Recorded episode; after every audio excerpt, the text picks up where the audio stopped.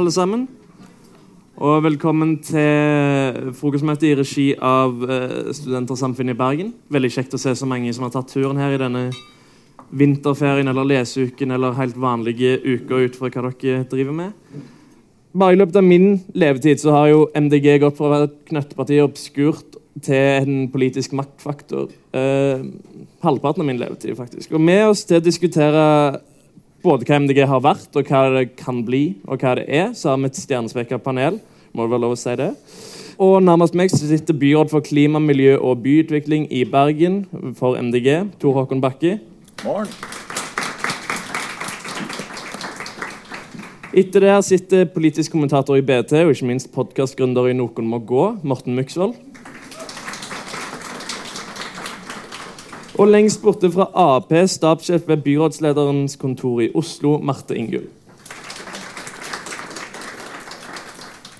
Så eh, I 2009 stortingsvalget, det var før du hadde blitt med i MDG, da endte MDG på 0,3 nasjonalt. Elleve år senere ligger dere stabilt over sperregrensa og sitter med en hånd på rattet i Norges største byer.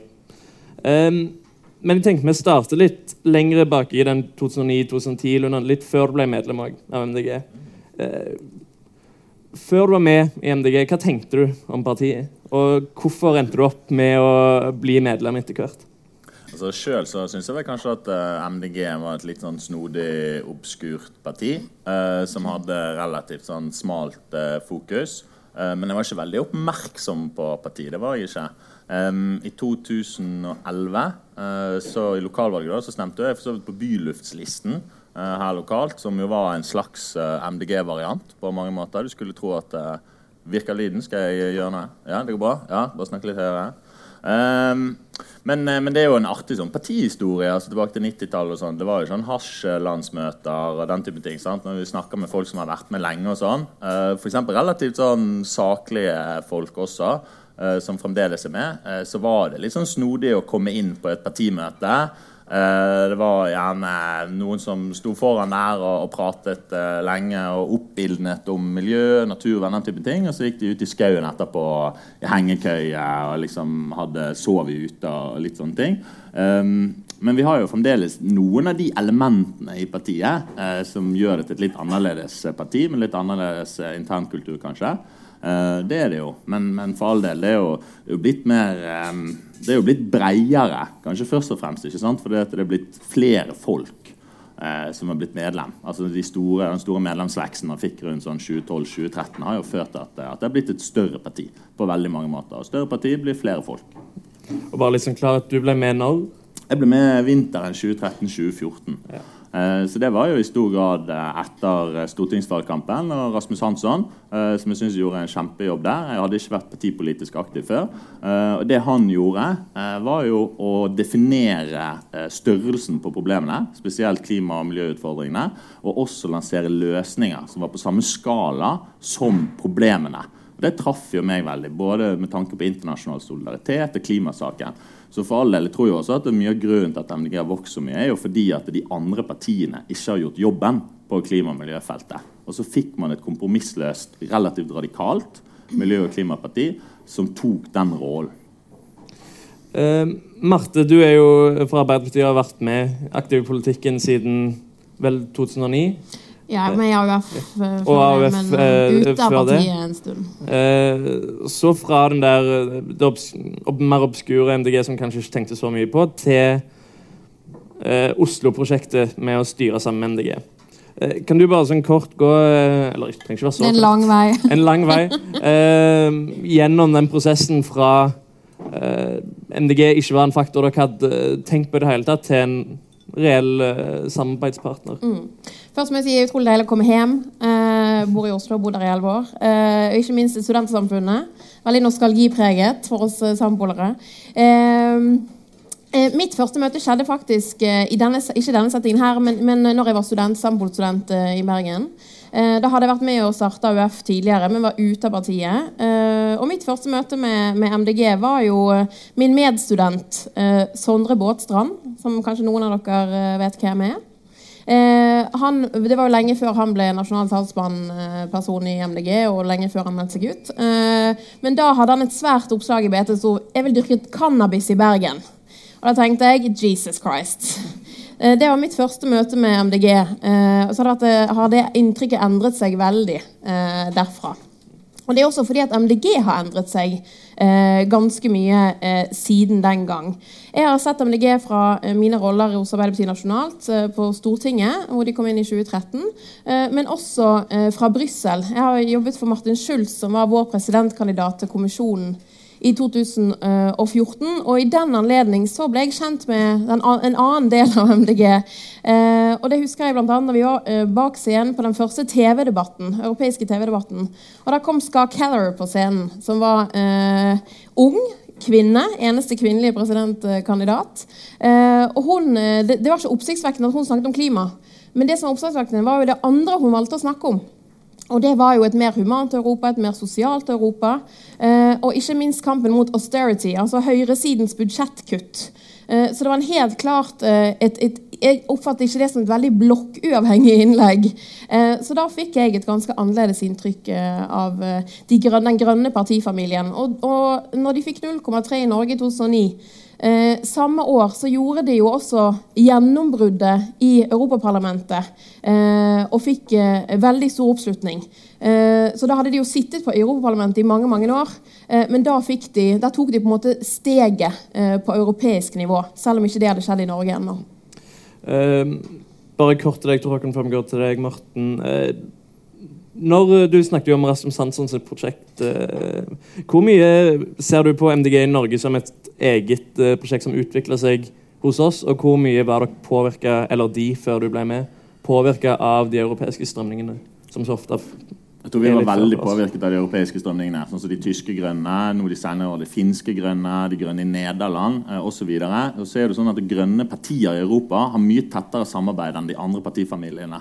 Um, så, så, absolutt. Men det som kanskje skjedde med Rasmus Hansson, for, for, å systematisere det litt, var vel at det, han løftet jo et systemkritisk prosjekt på mange måter, men det var jo et klimaprosjekt med å sette halen på grisen holdt på å si, med tanke på olje, gass, petroleumsvirksomhet eh, oljefondet ut av kull, den typen ting. Men andre ting eh, som vi alltid har hatt og ment mye om i MDG, som fremdeles er cannabis, f.eks. Altså, det gikk en NTB-melding forrige uke, men det var jo ikke Sondre Basen som sto bak den. Det var jo en forsker fra, fra UiB ikke sant, som sitter i helseutvalget i Bergen for oss, heter Kristine Ødegaard, som er kjempedyktig. Vi mener jo det samme. Det er kanskje bare litt sånn different wrapping på noen av de tingene. Og Det går jo også på dyrevern. Altså, Vi har et årsmøtevedtak i Bergen MDG om at vi sier nei til ville dyr på akvariet. Altså nei til sjøløver, den type ting. Så vi er jo fremdeles ganske radikale på, på, mye av de grunnleggende tingene. Om det går på fred, om det går på dyrevern, om det går på rus, med en del andre ting. Men man har fått denne tilleggsdimensjonen som går mye mer på klima og miljø, og som er mer helhetlig, overordnet og mye større. Eh, Morten, du har jo eh, operert i norsk politikk både som kommentator og politiker lenge. Eh, hvordan syns du MDG har endra seg som et parti i denne eh, perioden? Bortsett fra bare gått fra hippie til globalt ansvar. Altså det, det, er den, det, er jo den, endringen som er den, den store. At en går ifra et ganske uh, ukjent, obskurt parti med 500 medlemmer for 15 år siden uh, til å være like stor som, som, uh, som Rødt og vokse ganske kraftig i medlemstall nå. Det var vel 10 000 eller 15 000 en har? Rundt 10 000. Rundt 10 000. Som er et, eh, et stort tall, og, og det, det, er ikke så mange partier som, som, vokser i Norge generelt. Eh, så MDG er jo definitivt et av de. Men det som, det som beskriver MDG egentlig best, er at en har mangla de i Norge tidligere. Og Det er noe med partifloraen i Norge som skiller seg fra resten av Europa, der grønne partier har vært uh, ikke nødvendigvis så store som de eh, holder på å bli i Tyskland nå, men det har vært vanlig med grønne parti som en maktfaktor, som i hvert fall et lite eller mellomstort parti i mange mange tiår. Eh, men i Norge så har en fordelt liksom, det grønne partiet utover Venstre, KrF, SV. Sånn Gasskraftsaken når, når Bondevik gikk av. En typisk sånn grønt parti-sak. Men en har, en har, fordelt det grønne partiet ut på, på de to økonomiske sidene. Fordelt litt på høyre- og venstresida. Eh, så det, det, var på en måte litt bra for oss sampolere at, eh, at MDG kom gjennom og, og, klarte å normalisere det norske politiske eh, landskapet. Da, sånn at det er lettere eh, å sammenligne med resten av, av Europa. Men eh, jeg, ser jo på veksten til, til, MDG først og fremst som at de har truffet tidsånden veldig. De jo, det er jo et gammelt parti som har lagt eh, veldig lavt veldig lenge. Men med et SV som var med i en upopulær og avgående regjering i, i 2013, eh, der de hadde mista en del miljøtroverdighet, eh, og med et Venstre som gikk inn i et Frp-samarbeid eh, fra 2013, eh, så var det på en måte et rom der eh, for å, å, hente grønne velgere fra, fra disse partiene som, som tidligere eh, hadde de. da. Så, så en har på en måte ikke funnet nødvendigvis mange nye velgere men en har henta de fra andre partier. Og så er det jo nå med, med klimastreik eh, at, at, kanskje MDG er det partiet som virkelig kan bli store blant, blant de yngste. Og det, det, blir jo spennende å se for, uh, for neste år. Men, men, en ser jo En en har hatt noen eh, avskallinger underveis i, i, denne prosessen. En ser jo når folk melder seg ut i protest eller melder overgang til SV, sånn som halve bystyregruppa til MDG gjorde i forrige periode, så viser det jo at Eh, det har skjedd en stor politikkendring òg. Eh, altså det er ikke, ikke Sondre Båtstrands parti lenger. Ja, noe av politikken eh, holder fast, men, men, uttrykket er helt annerledes. Det er mye mer profesjonalisert nå. Og Det tror jeg Oslo og MDG skal ha veldig masse vern for at, at, det har skjedd. Men det har ført til at noen som har vært medlem i partiet lenge, har, har meldt seg ut. Ja. Og så kan jeg legge til at Det er jo en del sånn mer kanskje ekstreme ting som blir opplevd som ekstreme før, som MDG alltid har stått for, men som er mer kosher og, og mer greit å si nå, f.eks. F.eks. det var en sak på NRK for ikke så lenge siden hvor Venstre, SV og MDG ble spurt om økonomisk vekst. Hvor vi, eh, Arild Hermstad, talsperson for, for, MDG, sa helt fint at vi, hvis, altså i valget mellom de to, hvis du måtte valgt, så setter vi klima foran økonomisk vekst. Det klarer verken SV eller Venstre å si. Men noe sånt er jo blitt mye mer, sånn, det er mye mer greit å si det i dag. Fordi at eh, jeg opplever at en mye større eh, del av befolkningen og ellers at man har den analysen og forståelsen av at problemet vi står overfor på klima- og miljøsiden, er så massivt, er så utfordrende, at ja, kanskje f.eks. økonomisk vekst, hvis det er sånn at vi ikke får til økonomisk vekst samtidig som vi klarer å løse klima, eller det bidrar på en måte til å forverre klima-, miljø- og naturutfordringene, ja, så burde vi kanskje tenke nytt om det. Men uh, før vi går videre til å snakke litt mer om når dere uh, ble store, særlig lokalt, og jeg fikk stortingsrepresentant, så synes det er interessant å snakke om disse vekstsmertene som Morten nevnte. Og du har jo i høyeste grad vært med i partiet når de har skjedd. hvordan har det vært å være med i et parti som på en måte må definere seg på nytt, som fører til avskallinger? altså, det er jo aldri gøy med personkonflikter og, og folk som slutter og, og, den type ting. Uh, men når man går fra å være typisk 500 og på en måte kanskje en liten gjeng uh, i et lite miljø, f.eks. i en by som Bergen uh, eller Trondheim eller hvor som helst, og det plutselig kommer inn masse nye folk du trenger nye systemer, du trenger strukturer, du trenger å utvikle organisasjonen for å ivareta medlemmer, ha medlemsdemokrati. Det er flere som skal ha mer å si. Du, altså på en måte, det er mer prosesser, det er mer arbeid. alt mulig sånt. Og Da må du ha gode systemer, sånn at det ikke blir friksjon og krangling. og den type ting. Og på en måte I sånne eh, faser så er det vel den mest naturlige ting i hele verden at eh, ting endrer seg eh, på godt og vondt. Og at f.eks. Eh, noen som har vært med lenge, våkner opp en dag og så sier ok, dette var ikke det partiet jeg var med den gangen. Nå på en måte ønsker jeg noe annet. Men så ser vi flere steder i Norge at eh, liksom overgangen kanskje har man taklet bedre enn andre steder. Uh, og så er det noen steder hvor det har vært mer konflikt, f.eks. i Bergen. Ja. Uh, for det var jo ikke bare i starten heller at det skjedde sånne uh, Det kom litt sånne vekstproblemer. er det typisk for et parti i vekst å ha såpass store problemer med både politikk, utvikling og bli enige, og det å miste så mange representanter? Vil du svare litt kort på det? Altså, ja. Og så er det noe med at, at problemene kommer der avstanden er størst til det liksom, dominerende prosjektet. Sånn Bergen MDG har nok stått lenger til venstre enn store deler av, av resten av partiet tidligere. Eh, og når eh, MDG nasjonalt eh, både profesjonaliseres og ser mer ut som alle de andre partiene, men òg går på en mer EU-vennlig linje, går inn for EUs eh, e energidirektiv og ACER Eh, er positiv til ACER-debatten, eh, snakker positivt om kraftkabler til utlandet, eh, så er det sånn som som skaper problem blant de som står, står, lengst til venstre og lengst unna den EU-linja. Og så har en jo opprivende debatter som kommer av at en setter klima øverst. Senest på landsmøtet i fjor så sa MDG egentlig nei til ny vindkraftutbygging i Norge eh, for å ta vare på, på miljøet. Selv om, om, eh, om eh, vindkraftutbygging kan være en god klimaløsning. Og der, Det var kanskje en av de liksom, små motreaksjonene en så fra den eh, høyredreiningen da, som, som, en del av de som har meldt seg ut, har kalt det. At en gikk i retning EU og ACER. Og så fikk en vindkraftmotstand imot seg. Får du siste kommentar framgår litt. Altså, politikk er jo meningsmotsetning. så det er jo sånn at uh, I mange partier er det jo uh, reell uenighet. og, vel... og, så kommer det på spissen når, når et parti er i, i, redefineringen av seg selv.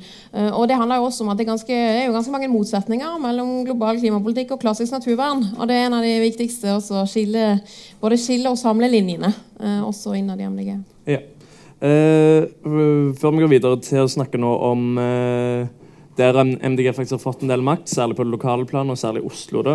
Uh, så vil jeg bare minne om at Vi har spørsmålsrunde til slutt. Jeg tror jeg glemte å nevne i starten, så det er bare til å tenke litt på det underveis. Ja. I 2015 så gjorde MDG et brakvalg som vel kanskje sjokkerte de sjøl òg, til og med. og da kom dere inn i byråd i Oslo. Kan du fortelle litt fra Ap sitt perspektiv hvordan det eh, samarbeidet kom til, å, kom til å skje? Mm. Da må vi begynne litt lengre tidligere enn 2015. Eh, I 2009, når, man fikk gjennombruddet i EU, eh, så ble Raymond Johansen valgt som partisekretær i Arbeiderpartiet. Eh, I 2013, MDG eh, var nær sperregrensen, så gikk han også ut og åpnet for eh, samarbeid med MDG. Eh, det var oppsiktsvekkende i norsk presse og fikk store overskrifter. og Det har jo en sammenheng med at eh, Arbeiderpartiet bare åtte korte år før hadde åpnet for den rød-grønne regjeringen, altså samarbeid med andre partier innad i regjeringen for første gang på 60 år. Sånn at Det er liksom en, en kontekst som må være etablert. og I tillegg så var det jo altså 2015, kommunevalget da, da hadde Raymond Jansen lagt strategien for Arbeiderpartiet sin del i 2013 om å vinne storbyene for å vinne i 2015 for å vinne Norge i 2017 og den ene delen gikk strålende. Eh, eh, og eh, valget i Oslo i 2015 var jo et historisk gjennombrudd for hele sentrum-venstresiden, og i tillegg til MDG. Sånn at, og det handler om at for første gang på 20 år så fikk man et, et, et skifte i, i, hovedstaden. For det hadde vært styrt av høyresiden i 20 år. Så det var jo et sånn viktig landskap å, å, ha med seg. Og det handlet jo om at Oslo Høyre hadde mange gode venner. De hadde Venstre, de hadde KrF, de hadde Frp. Så det var jo på et vis også også forløperen til regjeringen nasjonalt, eh, fordi de hadde samarbeidet veldig godt eh, i Oslo. Um, uh, og uh, så klarte vi å etablere uh, Hadde gjort et ganske godt valg i Oslo. Vi kjørte separate valgkamper. Det var ikke sånn at vi hadde avtalt på forhånd at vi skulle blande blod den høsten. men vi hadde kjørte separate valgkamper. Og, og, Oslo Arbeiderparti hadde vært i opposisjon i 20 år. og Det betydde også at man hadde hatt 20 år på å lage politikk uten å forholde seg til styring. og da hadde man en veldig, veldig sterk og tydelig klima- og miljøpolitikk. Veldig sterk og tydelig fordelingspolitikk og veldig sterk og tydelig aktiv næringspolitikk som han hadde laget i opposisjon. Sånn at veldig mye lå til rette for, for, for å få til et godt samarbeid eh, eh, når, når, det valget gikk eh, som det gikk. Um, så var det sånn at MDG eh, eh, Vi kunne danne et nytt flertall med, med MDG. Eh, de ga, brukte en uke på å bestemme seg hvem de ville gå med etter valgnatten. Eh, og vi visste jo at eh, hvis vi bare fikk de til bords, eh, så ville vi lykkes med å danne et nytt, nytt flertall i Oslo. Og det handler mye om å bygge tillit. fordi at Husk at SV hadde gått ut, vært åtte år i regjering, var, var litt såra av Eh, MDG ville ikke tone partipolitisk flagg, var blokkuavhengig uavhengig. Eh, og Rødt hadde jo eh, aldri eh, saldert et budsjett før. Så vi brukte mye tid på å bygge tillit og, og lagde en veldig konkret plattform Så vi hadde jo da Østmarksetra-plattformen. Der satt vi i tre uker og lagde en veldig veldig, veldig konkret plattform og diskuterte oss gjennom alle de ulike politikkområdene. Og Det er jo noe av suksesskriteriene også, at vi fikk både ble man overraskende enig, særlig i klima og miljø, eh, fordi alle tre partiene var veldig veldig enige om retning.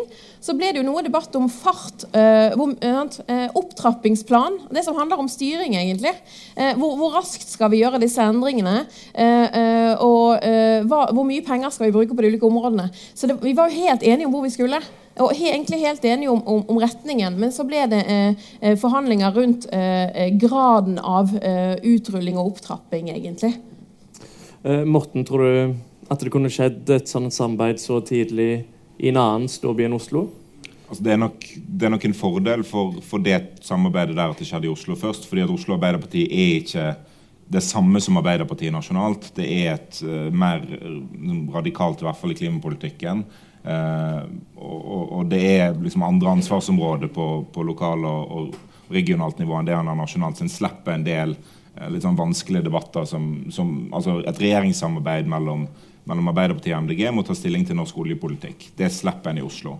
Og Det ville en selvfølgelig også sluppet i Bergen. Men, men, uh, men, det er en fordel for det samarbeidet at, at en gikk foran der. Det kunne nok ha skjedd i Bergen òg, men jeg tror det var viktig for MDG her å gå gjennom den Eh, litt tunge perioden en hadde i sist periode, der halve bystyregruppa meldte seg ut, og, og en, en fornya seg. Eh, og så kom jo en ganske altså Timingen her var veldig god fordi at eh, Arbeiderpartiet var i fritt fall eh, i valget i fjor, og MDG eh, løfta seg, så en kom inn med ganske eh, MDG var liksom det partiet som kom inn i, i byrådet nå med litt god stemning rundt seg. da.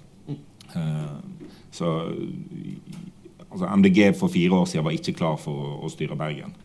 Eh, så hadde ikke de klart det i Oslo for fire år siden, så hadde det kanskje gått noe. Men de har fått, de har fått masse drahjelp fra Oslo. Både lært masse om det å styre politikk, og de har tett, tett kontakt. Eh, så det, det hjelper åpenbart. Tråkon, du sitter jo i byrådene for MDG mm. i Bergen. Mm. Er du enig? Ja, det er mye riktig som det ble sagt der. Jeg jobbet jo litt på rådhuset i 2016 eh, med noen prosjekter der. Jeg jobbet også litt på Stortinget i 2015, eh, så det er ingen tvil om at vi har lært mye derfra å ha mye tett og god dialog med de. Det gir jo altså, på en måte gode fordeler eh, på mange måter. Men det hører jo også med til historien at vi har jo også vært med å styre i Trondheim. Men der er jo det altså med, ikke byparlamentarisme, med formannskapsmodell. Og En av de som var med lenge der, var jo Harald Nissen. Uh, som jo da dro til Oslo og var ganske viktig på en måte for å få MDG inn der. Uh, så, så, det er noen greier der. Uh, og så En sånn tilleggsgreie jeg tror jeg at um, I Europa så ser vi at eller sosialdemokratiske partier og grønne partier jobber veldig godt sammen i mange store byer. Og Litt sånn forenklet så tror jeg at en av grunnene til det kan ligge i det at eh, det er en ganske god kombinasjon i det at det sosialdemokratiske partiet gjerne kan få lov å holde litt på med de tingene de er veldig opptatt av. Trygg økonomisk styring og tjenesteområder ikke sant? og en del sånne ting. altså Om det er skole eller helse. Og en del sånne ting. Og så er de grønne gira på, på sine greier. Uh, om det er byutviklingspolitikk og sykepolitikk, og en del sånne ting. Så veldig forenklet så er jo det en ganske god kombinasjon i de tingene som er viktige for en. Og der tror jeg også, igjen veldig forenklet, men f.eks. MDG er ikke så gira på dyre ting alltid. Altså for sånn ja, Vi trenger en ny flerbrukshall til 1,5 milliard. Her skal vi ha ishockey og velodrom og jeg vet ikke hva man på en måte skal putte i denne greiene der. Det er ikke vi så gira på. Det hørtes litt dyrt ut. Trenger vi å bruke penger på det? Kanskje folk være ute i skauen og, og, gå litt på ski? eller på en måte. Altså, liksom, man stiller, jeg setter det litt på spissen, men man stiller en del spørsmål kanskje ved en del dyre ting. da. Uh, og Det kan jo noen ganger gjøre det enklere også å finne tror jeg, flertall sammen med MDG. I det at vi ikke nødvendigvis er så gira på å kjøre opp budsjettet for mye. F.eks. i investeringer i bygningsmasse. Marter? Ja, veldig overforenklet, da. Men uh, vi er jo veldig opptatt av klimapolitikk, vi òg. Og det er jo noe av det som har gjort at MDG på et vis uh, har fått uh, så, Det er mange grunner til at det, det har fått ekstra oppmerksomhet i Oslo. Men det handler jo også om at Arbeiderpartiet, SV og MDG er veldig veldig enige i retningen i klimapolitikken. og så vil MDG jo da litt sånn ekstra utålmodig.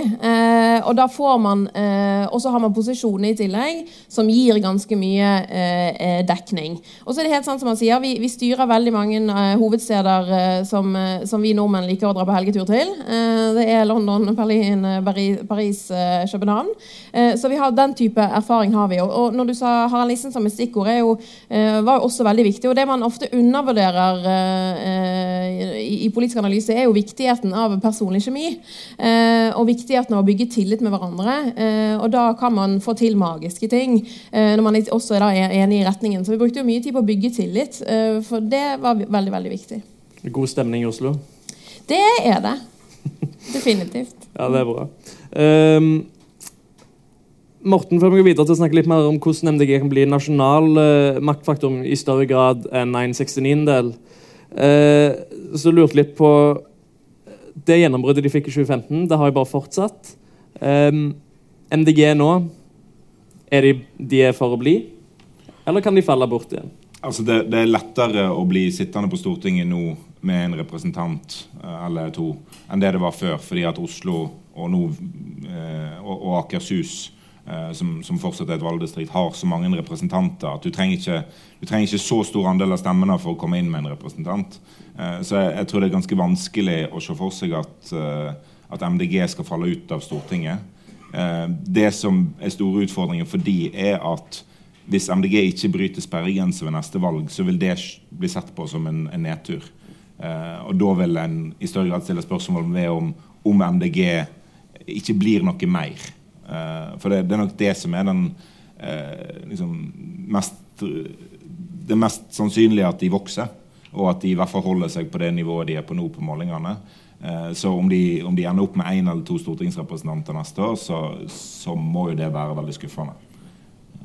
Mm, bare for å eksemplifisere kanskje dette litt mer bredde. ikke sant? Altså, MDG var jo helt sentrale i å hive ut Terje Søviknes fra ordførerstolen eh, i Bjørnafjorden kommune. Altså, vi hadde jo målinger opp på 13-14-15 eh, og Det handlet jo både om miljø- og klimapolitikk, men også at eh, folka var der. Spesielt eh, han førstekandidaten Nils Anders Nødtvedt var veldig god på demokrati eh, og god styring. I Vardø så fikk vi over 20% og sitter med ordføreren. De snakket ikke om klima i det hele tatt i valgkampen, men var veldig opptatt av f.eks. en miljøsak som handlet om oppdrett. Eh, så vi er blitt et veldig bredt parti og gjør gode valg flere steder. Også på andre saker enn klima og miljø. Og det tror jeg kommer til å være en veldig styrke også inn i 2021 eh, og videre.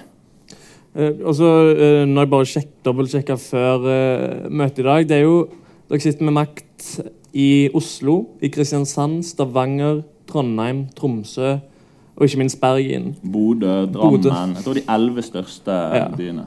Det er jo ganske enormt. Hvor mye makt går det an å si at MDG har i dag i Norge? Altså på, på lokalplan så har en, har en masse, masse, makt. Det, det er jo òg et, et uh, tegn på hvor, hvor, dårlig det gikk med Høyre i, i, i forrige kommunevalg. Um, at uh, ja, en, en, endte opp med et, et anstendig valgresultat, men men maktmessig så kom jo Høyre veldig dårlig ut av det. Styrer jo nesten ingenting lenger eh, lokalt. Eh, men, men, eh, men, det viser jo at, at, eh, at venstresida er avhengig av MDG ganske mange plasser. Og det, det, sier jo veldig masse om hvor MDG kommer til å gå neste år. Det er ganske vanskelig å se for seg at MDG skal gå til høyresida f.eks. De stemmer med venstresida på Stortinget. Det er for så vidt naturlig siden de sitter i opposisjon og til en høyrestyrt regjering. Men, men de stemmer med venstresida der. De samarbeider med venstresida der de har makt, stort sett. Eh, og, og, da er det vanskelig å se for seg at de skal snu. Og det, det er vel ingen sånn voldsomt stor grunn til at de skal snu seg over til høyresida heller.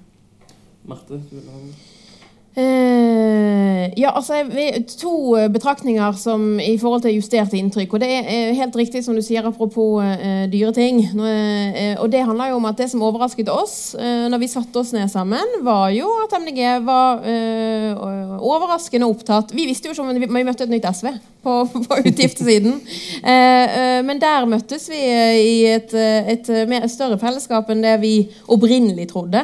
Uh, og at man var veldig opptatt av uh, balansen mellom utgifter uh, og inntekter. Og så er det også et annet lakmustest som MDG lærte seg raskt. Og det er jo det, å klare å feire seire som er kompromiss.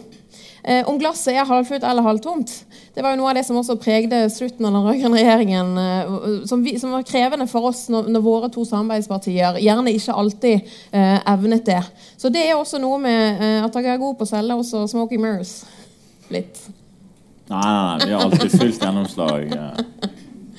um, da tenker jeg at vi vender blikket litt mer nasjonalt og framover mot 2021 særlig. Du var jo inne på det nå nettopp. Um, at det er lite sannsynlig at det ender opp mot Høyre. Det samme viser meningsmålinger der du spør både Ap-velgere og MDG-velgere. Flertallet eh, tenker at et samarbeid med venstresiden er mest naturlig. Eh, Tor Håkon, nå vet ikke hvor mye du har lyst til å uh, spekulere her, men eh, tror du at det blir en uh, stor diskusjon i 2020 eller 2021, særlig om et retningsvalg? Det går ikke alltid så bra. Ja, så Det går jo en diskusjon om det allerede. Eh, det handler litt om hvordan du gjør det. Altså, jeg synes jo Det er rimelig absurd å si at man er åpen for å gå til valg på en regjering som man ikke er en del av. Som er historisk upopulær, og som vi driver opposisjonspolitikk mot. Eh, så det tenker jeg er helt uaktuelt. Så, så jeg ville jo ment at eh, vi burde sagt nei takk til den regjeringen, og sagt det høyt og tydelig. Det tror jeg kanskje at vi kommer til å gjøre i 2021. Jeg tror ikke vi kommer til å si noe høyt om det i 2020 fra, fra partiets del. Men jeg vil jo mene det. Og Det handler om flere ting. Det handler om det politiske og det strategiske. Men det handler også om på en måte sånn jeg er veldig lei av å sitte i familiemiddag og liksom forklare det blokkuavhengighetsgreiene. Eh, det har noe for seg. Absolutt. Eh, det er et kjempegodt poeng eh, at MDG ikke definerer seg på en høyre-venstre-skala, altså på en blå eller rød, men altså grønt og grått, for all del. Men jeg tror det fort blir teknisk, og debatten fort handler om okay, hvem vil dere samarbeide med, istedenfor politikken. og Da tror jeg det kan være greit å ikke nødvendigvis peke på f.eks. Arbeiderpartiet eller Senterpartiet, eller på en måte akkurat det, men at man sier nei til den regjeringen som er i dag. Um, er, når vi snakker mye om hvordan dere har vært i bypolitikken og hvordan samarbeidet med Ap har vært der uh, Morten, du nevnte det jo litt tidligere, at det er ulike utfordringer uh, som du får på et nasjonalt plan, som du ikke møter i Oslo eller Bergen. Uh, du nevnte jo olje, og det kommer jo til å være en diskusjon om en sluttdato og sånt. Uh, vil, vil eh, MDG klare å ta den overgangen med å sitte i en regjering, eh, tror du? Det blir fryktelig vanskelig, fordi det er mye lettere å feire kompromiss som seirer når det handler om tempo i utbygging av sykkelveier f.eks., enn når det handler om sluttdato for olje.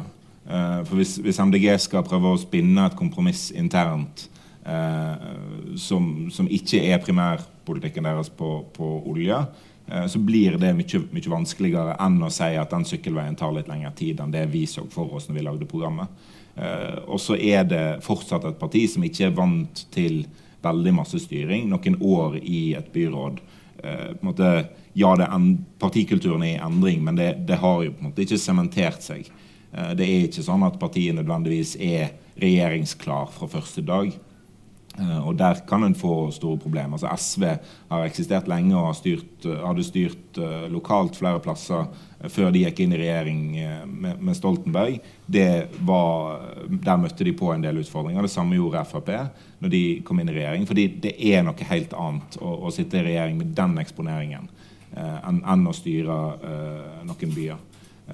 så jeg vil ikke si at de kommer til å klare det.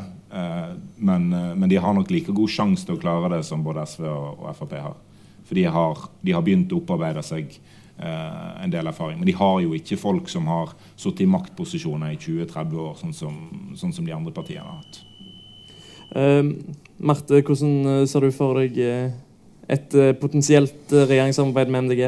Nå skal jeg male et bilde. Nei, jeg skal ikke det.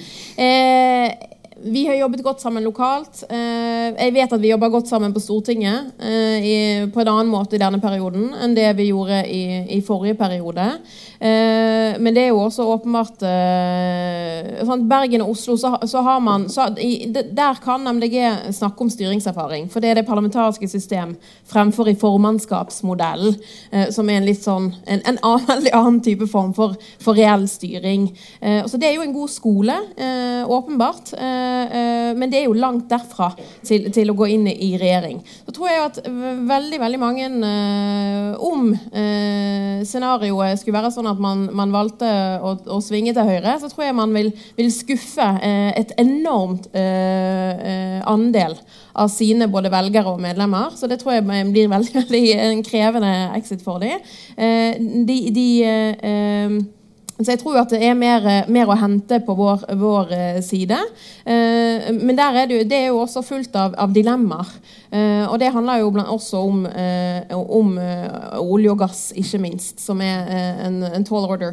Og det blir jo Det handler jo om sant, denne, Jeg opplever også at UNE har flyttet seg. da. Jeg opplever at også signalet derfra har flyttet seg i forhold til å være så bastant på, på, på datofesting, eh, annet. Så, så, så det er egentlig MDG som kan definere i stor grad også sitt eget regjeringspotensial i form av hvor mye de eventuelt vil flytte seg.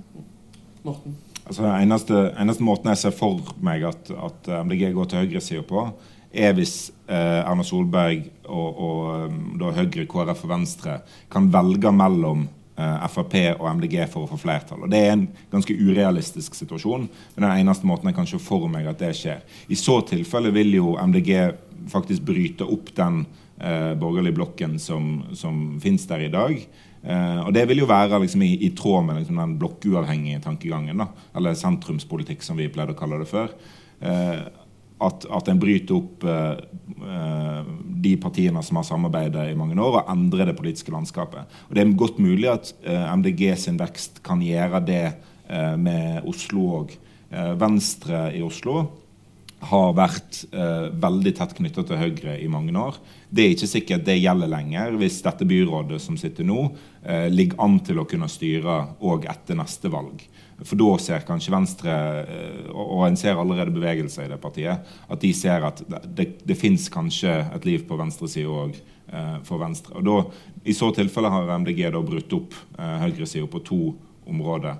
Uh, og Det som gjorde at det var vanskelig for Arbeiderpartiet å komme til makt i Oslo, var jo denne uh, store koalisjonen av parti uh, som, som gjorde at de kunne dominere byrådskontorene ganske lenge. Og Skifte det, så kan en sånn høyredreining for MDG være verdt det òg for venstresida på, på sikt. Da Håkon, du får du siste ordet før vi går videre til siste bolk. Ja, nei, jeg tror det var godt oppsummert med dette med hva som er realistisk og urealistisk, og hva man bruker tid på, på å diskutere. Eh, men jeg synes det som var litt viktig i Oslo, var å se hvordan Høyre og Venstre agerte i slutten av valgkampen. når de så på hva som skjedde. Det som er viktig, er å vise hva man faktisk vil de fire årene mellom valgene. Eh, det følger jo partiene med på. Uh, det gjorde jo det veldig lett for MDG å velge side relativt tidlig i Bergen i vår. Altså Når Høyre begynte å peke på bompengepartiet og den typen ting, og på en måte nedprioriterte bybane osv., så, videre, så ble det veldig lett for MDG å si at liksom, okay, det greiene der er uaktuelt. Uh, men, men uh, med tanke på olje og sånn, så hvis man går vekk fra liksom, akkurat diskusjonen om sluttdato, da, hva er på en måte et slags kompromiss. Og nå skal jeg ikke på en måte forskuttere noe, men denne debatten har vært ute i offentligheten. så bare oppsummere et par ting. Det kunne jo f.eks. vært eh, ingen nye oljelisenser. Nada mas. Altså ikke én ny oljelisens. Altså Ikke ett nytt felt, ingen nye konsesjoner, ingen prøveboring, ingenting. Som et slags alternativ til sluttdato. Uh, og Den typen diskusjon tror jeg man kommer til å ha det neste år. Og det tror jeg kommer til å være en ganske interessant uh, affære, for å si det forsiktig. Du slapp en liten latter. Det er nesten eh, altså, det, det, er ikke mindre radikalt det enn å sette en sluttdato. For det du foreslår der, er jo en sluttdato. Det er bare at en, at en uh, slutter tidligere enn den sluttdatoen. Ja, ja. Uh, fordi at du slutter å, å lete, du slutter å bore etter nye ting. Uh, mens en sluttdato nødvendigvis ikke betyr det. Så du ville jo møtt en, en vegg av fagforeningsmotstand eh, som òg eh, kan skape problem for Arbeiderpartiet hvis, hvis, det på en måte ender opp med å være kompromisset. Uh, så det er, ingen, det er, ingen, lett utvei i, der. Og det, det, har en jo sett at den borgerlige regjeringen har jo klart å holde seg sånn relativt sett eh, samla. Litt sånn De limer på et parti, og så skal et parti av. Men, men Erna Solberg styrer jo fortsatt. Selv om det er veldig store uh, uenigheter om bl.a. klimapolitikk i regjeringen. Så det, det, kan jo gå til tross for. Men, men oljepolitikken er ikke noe du kan bare stoppe med og tro at det skal gå smertefritt. Ja, uten at dette skal bli en uh, oljedratt, så skal du få en kort, kort, kort kommentar. og så Eh, skal du få en kort kommentar? Poenget mitt var at Mye av den debatten om sluttdato fort ender opp med en diskusjon om ok, men Johan Castberg-feltet skal produsere olje fram til 2050, og da må dere betale erstatning bla, bla, bla til de. ikke sant? Mm. At Den diskusjonen den synes jeg noen ganger blir litt sånn tøysete og veldig teoretisk. Men en diskusjon om å slutte med oljelisens eller konsesjoner den typen ting, er jo en praktisk politikk eh, som er helt realistisk å gjennomføre, som jeg synes er kanskje en bedre debatt noen ganger enn den debatten som ofte utvikler seg når du begynner å snakke om sluttdato. Men sjøl mener jeg jo åpenbart at man skal ha en sluttdato. Jeg er ganske internt hos oss relativt hardliner på en del klima- og dyrevernspørsmål. Men så, det, det høres litt sånn greie ut når det kommer fra meg, for jeg sitter her i dressjakke. og sånt sånn, så Det høres veldig sånn rolig og tilforlatelig ut. Men Marte, da får du eh, siste kommentar før Ja, det, siste det, spørsmål. det var jo en god spinn. Eh, eh, og jeg synes jo det eh, som mangler litt i den debatten, er jo eh, når man sier at man er opptatt av global klimapolitikk, og så er det Norge som skal sette en sluttdato eller slutte å produsere, eller synes Det er også en veldig sånn endimensjonal inngang. For ja, det har praktiske konsekvenser for ekte mennesker med ekte liv eh, som, som går på jobb, eller som får betalt eh, for tannlegetimen sin, eller for, eh, som, som av velferden i dette landet. Eh, sånn at eh, det er helt åpenbart at her må vi finne Fornybare er Vi må vri om til fornybar, men vi må også klare å gjøre denne omstillingen med et mer globalt perspektiv enn bare når, Norge skal slå av en bryter. Fordi det har ikke nødvendigvis noe effekt for verden. Ja, nå vet jeg at du sikkert brenner inne med et svar, men uh, vi går videre til et siste spørsmål. Uh, og tar runden på det. Uh, det som har vært litt sånn spøkelse i samtalen, har jo vært dette med om MDG er et styringsparti. Uh, så avslutningsvis, eh, relativt kort, eh, så vil jeg at dere skal bare snakke litt om hva dere legger i et styringsparti, og hvorvidt MDG er et. Og så jeg vi starte med deg, for jeg tror jeg mistenker hva Ja. du kan ta og svare på slutten. i hvert fall. Altså, eh, jeg tror liksom, Det ene er sånn styre by og byparlamentarisme og alle de tingene der. Altså, det eh, Jeg skal ikke si at det ikke er på en måte rakettforskning og at det ikke er sånn kjempevanskelig, og sånn, men på en måte som parti og som de folka som er medlem og aktive og den type ting i MDG, eh, både i Oslo og Bergen og sånn som jeg kjenner rundt omkring i landet, er jo interessert i å, å søke makt for å få gjennomslag for politikken sin. Eh, og er oppegående, smarte, flinke, hyggelige, snille mennesker. Eh, og når du samler nok relativt oppegående folk, så pleier sånne ting å gå ganske greit. Så på en måte hele den sånn mytologiske skapningen, på en måte styring er vanskelig, og alt mulig sånt, eh, det har ikke jeg helt sånn troen på. Men selvfølgelig, det som noen ganger er komplisert med det, er jo kompromissene og pragmatismen. eh, all koordineringen, det kan oppstå friksjon osv. Og, og du, vil, du må på en måte kunne gå på noen tap. Og du må snakke godt internt osv. Alle de tingene der er jo relativt komplisert. Men, men MDG er jo grunnleggende et parti, f.eks. sammenlignet med, med Rødt, kanskje, som er interessert i å søke posisjon for å få gjennomslag for de stemmene som velgerne gir oss. Eh, og Derfor er det for viktig for oss å, å ha fysiske endringer i byrommet, for eksempel, som viser at okay, her er det blitt en endring. I tillegg til at klimagassutslippene må gå ned, eh, osv. Og da, Morten? Altså, styringspartiet er sånn vanskelig ord. Det blir vel mest brukt som et slags forsvar for, for Høyre og Arbeiderpartiet. og det, Du kan òg kalle partiene ansvarlige. altså Det er òg noe en bruker om de, de partiene som, som leder hver sin, eh, sin blokk. De, de skal liksom være de ansvarlige partiene som holder ting eh, holder litt tilbake igjen, eller som, som er mer moderate. Da. Og Det er jo det som er interessant med klimadebatten. For i alle andre spørsmål så er på en måte det moderate det ansvarlige. Eh, mens i klimadebatten så er det et spørsmål om det er ansvarlig å være moderat, eller om det er ansvarlig å være radikal. Og Det går an å si at, at MDG er det mest ansvarlige partiet fordi de har de mest radikale løsningene på klimaspørsmålet. Og, og, og så kan du òg si at, at de ikke er så ansvarlige, og at det faktisk òg kan være fornuftig å være moderat i klimapolitikken òg, for du skal ha folk med deg. Eh, Du kan ikke bare si til alle som er avhengig og jobber i olje og avhengig av inntekter fra olje, at dere har ikke eh, jobb så veldig mye lenger, eh, men det er veldig bra for noen andre i verden. Og da får du ikke nødvendigvis de med seg. De trenger ikke være klimafornektere, men de, du får de ikke nødvendigvis med deg på, på løsningene. De kan stemme inn et annet alternativ som fører klimapolitikken i en annen retning. Så er du for, på en måte, Jager du målet for fort, så kan du få et, et backlash. Da. Og Der er jo spennende å se hvordan MDG balanserer det hvis de får makt nasjonalt. Marte, du er fra kanskje det mest typiske styringspartiet. Hva tenker du om MDG? Ja, eh, som sagt så eh, Den eh, økonomiske politikkorienteringen mm, er positivt. At man er opptatt av ikke bare utgifter, eh, men også av, eh, av, inntektssiden. Så det er et godt utgangspunkt. Et godt utgangspunkt Man samarbeider lokalt eh, og nasjonalt. Men det som også blir eh, lakmustesten her, er jo det Velgerne stoler på oss politikere. Eh, i hvert fall tidvis, eh, på at vi skal eh, finne nest beste kompromiss, fordi det er ingen partier som har flertall alene.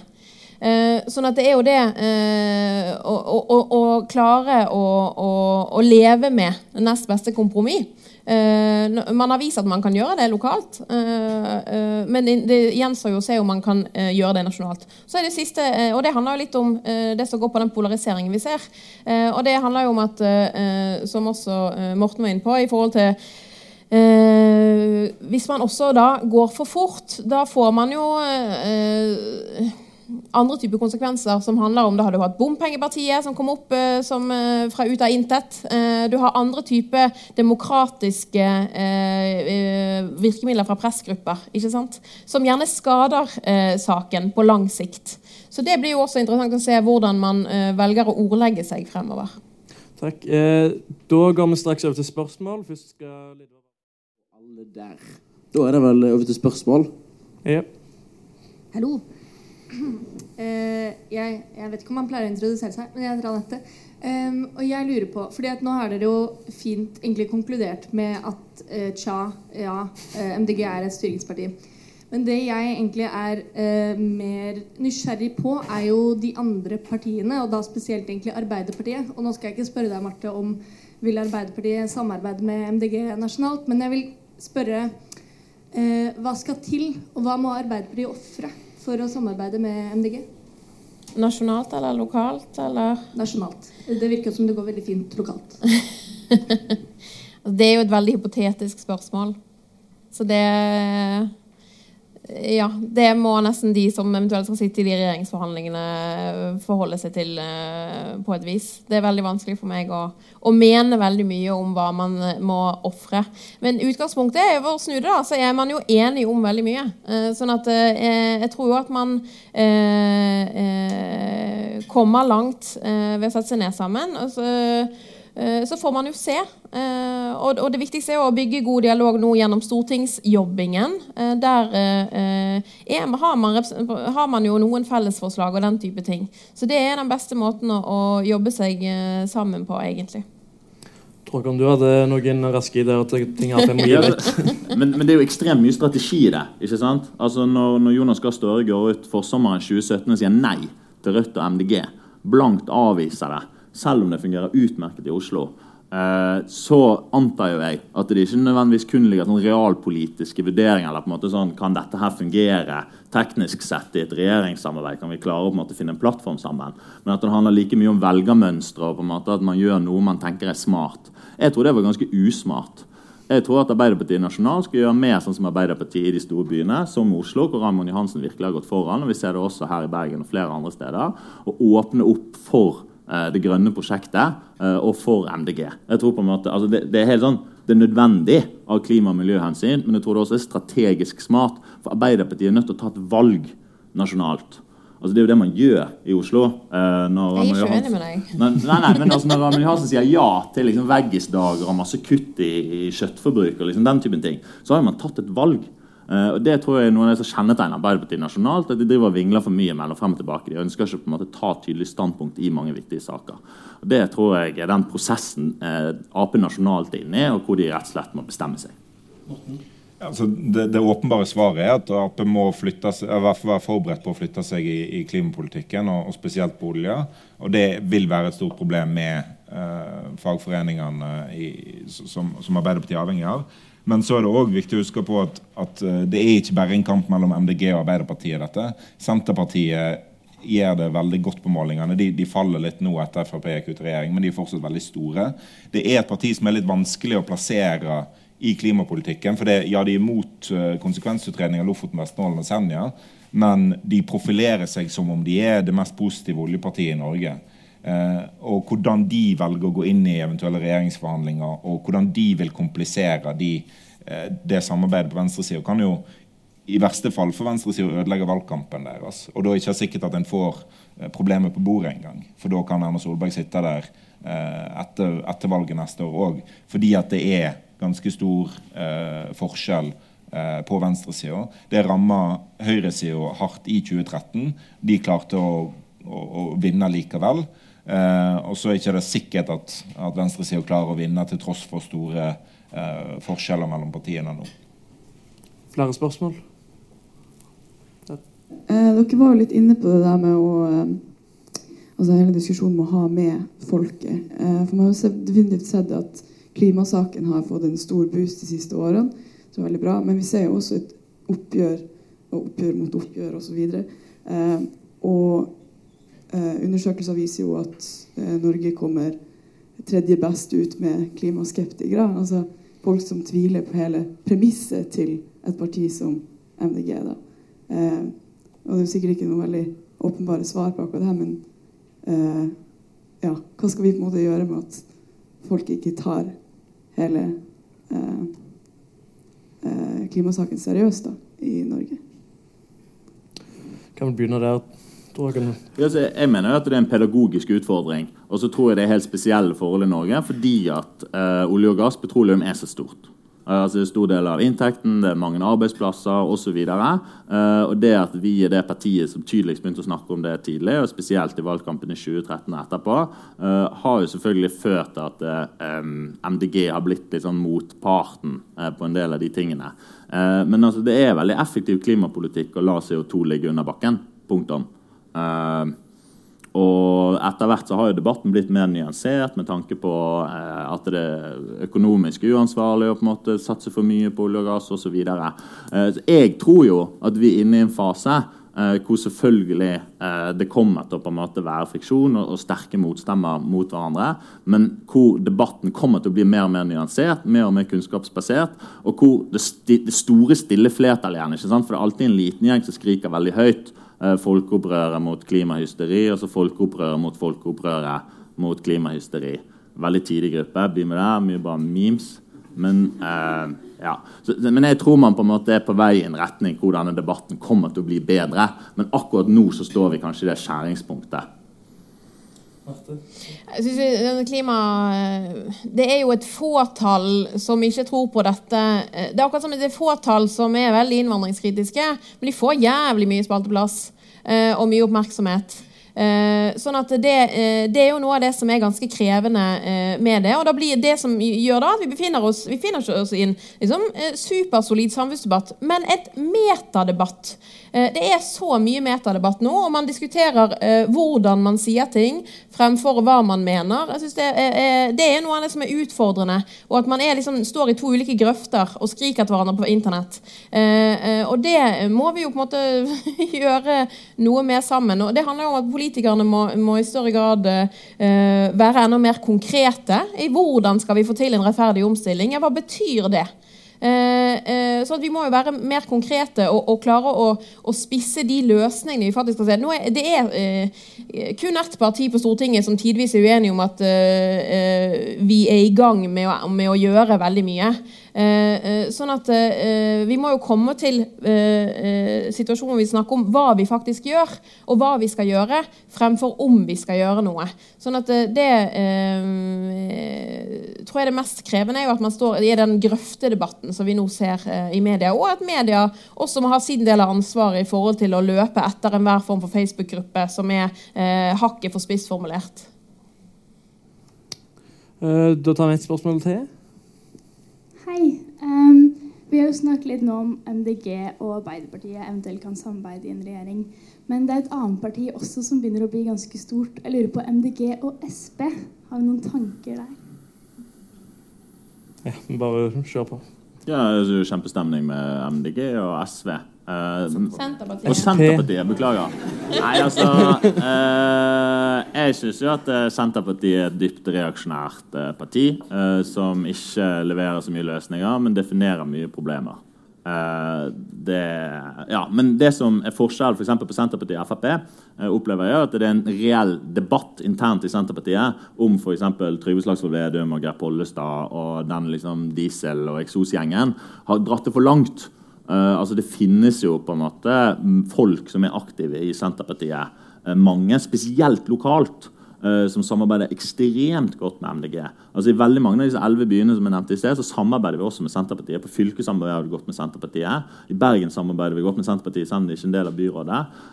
Så lokalt, regionalt samarbeider vi kjempegodt med de, men det virker som at nasjonalt så er det en eller annen sånn strategi om å kjempe på en måte om velgere sammen med Frp. Og nå kappes de jo veldig, eh, Listhaug og Vedum. Eh, men jeg, jeg vet jo at det er andre krefter i Senterpartiet som vil noe annet. Og så håper jeg at de vinner frem eh, fram mot 2020. Det tror jeg på en måte hadde vært definitivt det beste eh, for de som ønsker et sentrum-venstre-samarbeid. Det, det er jo ikke gitt at Senterpartiet hadde valgt den strategien som, som Tråkan her beskriver, hvis de visste at Frp kom til å gå ut av regjering og, og måtte være fri igjen til å, å være seg sjøl. For Senterpartiet har prøvd å være litt Frp på Stortinget, og det har de, de lykkes egentlig ganske, ganske bra med. Men, men litt til det forrige spørsmålet òg. Altså, Senterpartiets vekst, klimafornekting. Det er, begge deler har en sånn sentrum-periferidimensjon der, der det er liksom Ja, vi har en stor oljesektor i Norge som gjør at folk er urolig for økonomien. Men det er òg veldig mange som bare er avhengig av bilen i, i hverdagen. Eh, og da, en, en, veldig dum ting med eh, hvordan offentlig debatt fungerer på, er at hvis, hvis Oslo MDG sier det skal bli mindre parkering i Thereses gate, så er det noen i Nordland som reagerer på det og tenker hvorfor skal ikke jeg få lov å kjøre bilen min? Altså ikke forstår at noen debatter gjelder ikke alle sammen. Altså ja, det skal være Jeg tror MDG er for at folk skal kunne kjøre bil i, i Nordland. Det kan kanskje Tor Håkon bekrefte. Men, men, eh, men, folk reagerer veldig hardt på bytiltak når en ikke bor i byen sjøl. Ja til bilen i Oslo eh, som òg fikk veldig masse oppmerksomhet. Veldig mange medlemmer som ikke bodde i Oslo der, men var veldig for at folk skulle kunne kjøre bil i Oslo. Fordi de kjørte bil langt utenfor Oslo. Eh, så der har du òg en, en, av liksom driverne, tror jeg. At en får alle debattene til å handle om absolutt alle sammen hele tida. Og da kan en ikke diskutere eh, et lite tiltak som bare gjelder noen. Eh, for ja. Ja, Skal folk få lov til å kjøre biler? de skal absolutt få lov å kjøre biler, men jeg tenkte bare skulle si en liten tilleggsdimensjon eh, som vi ikke har vært innom. For Vi snakket litt om europeisk grønne. Og Det er Grønn Ungdom sin rolle i MDG. Eh, fordi jeg tror Den er veldig forskjellig fra hvordan ungdomspartiene nødvendigvis er de andre partiene. Grønn Ungdom har for ikke et eget program. De mener akkurat det samme som MDG mener. Altså De har ekstremt stor gjennomslagskraft, og de er også en veldig ansvarlig gjeng.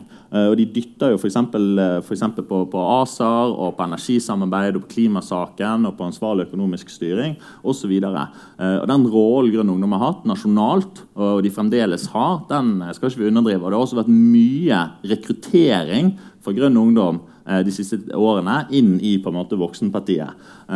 Så det samarbeidet der, og hvor dypt det går, og hvor godt det er organisert, og hvordan Grønn Ungdom jobber frem politikk, og hvor viktig det er for MDG, det skal ikke man, man underkommunisere. I hvert fall ikke når vi heller snakker om MDG som styringsparti.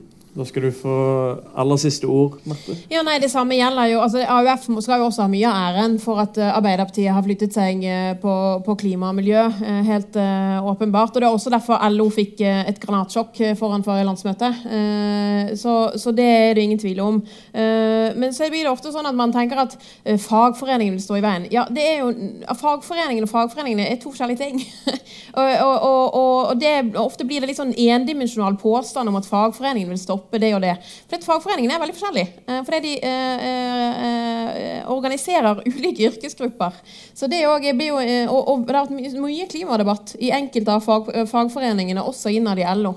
Eh, og både Fagforbundet sammen med AUF har jo vært noen av drivkreftene for, for oss å endre klimapolitikken til Arbeiderpartiet.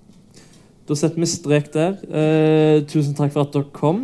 Vi har òg eh, noen gaver til dere. Vi har jo hørt fra BT kommentariatets klagesang altså med at vi har savna paraply. Det har vært et vått år. Eh, så da ble det ikke de gamle som hadde før, men det ble et lite spesialinntak for i dag med paraplyer til dere. Tusen takk for at dere alle kom.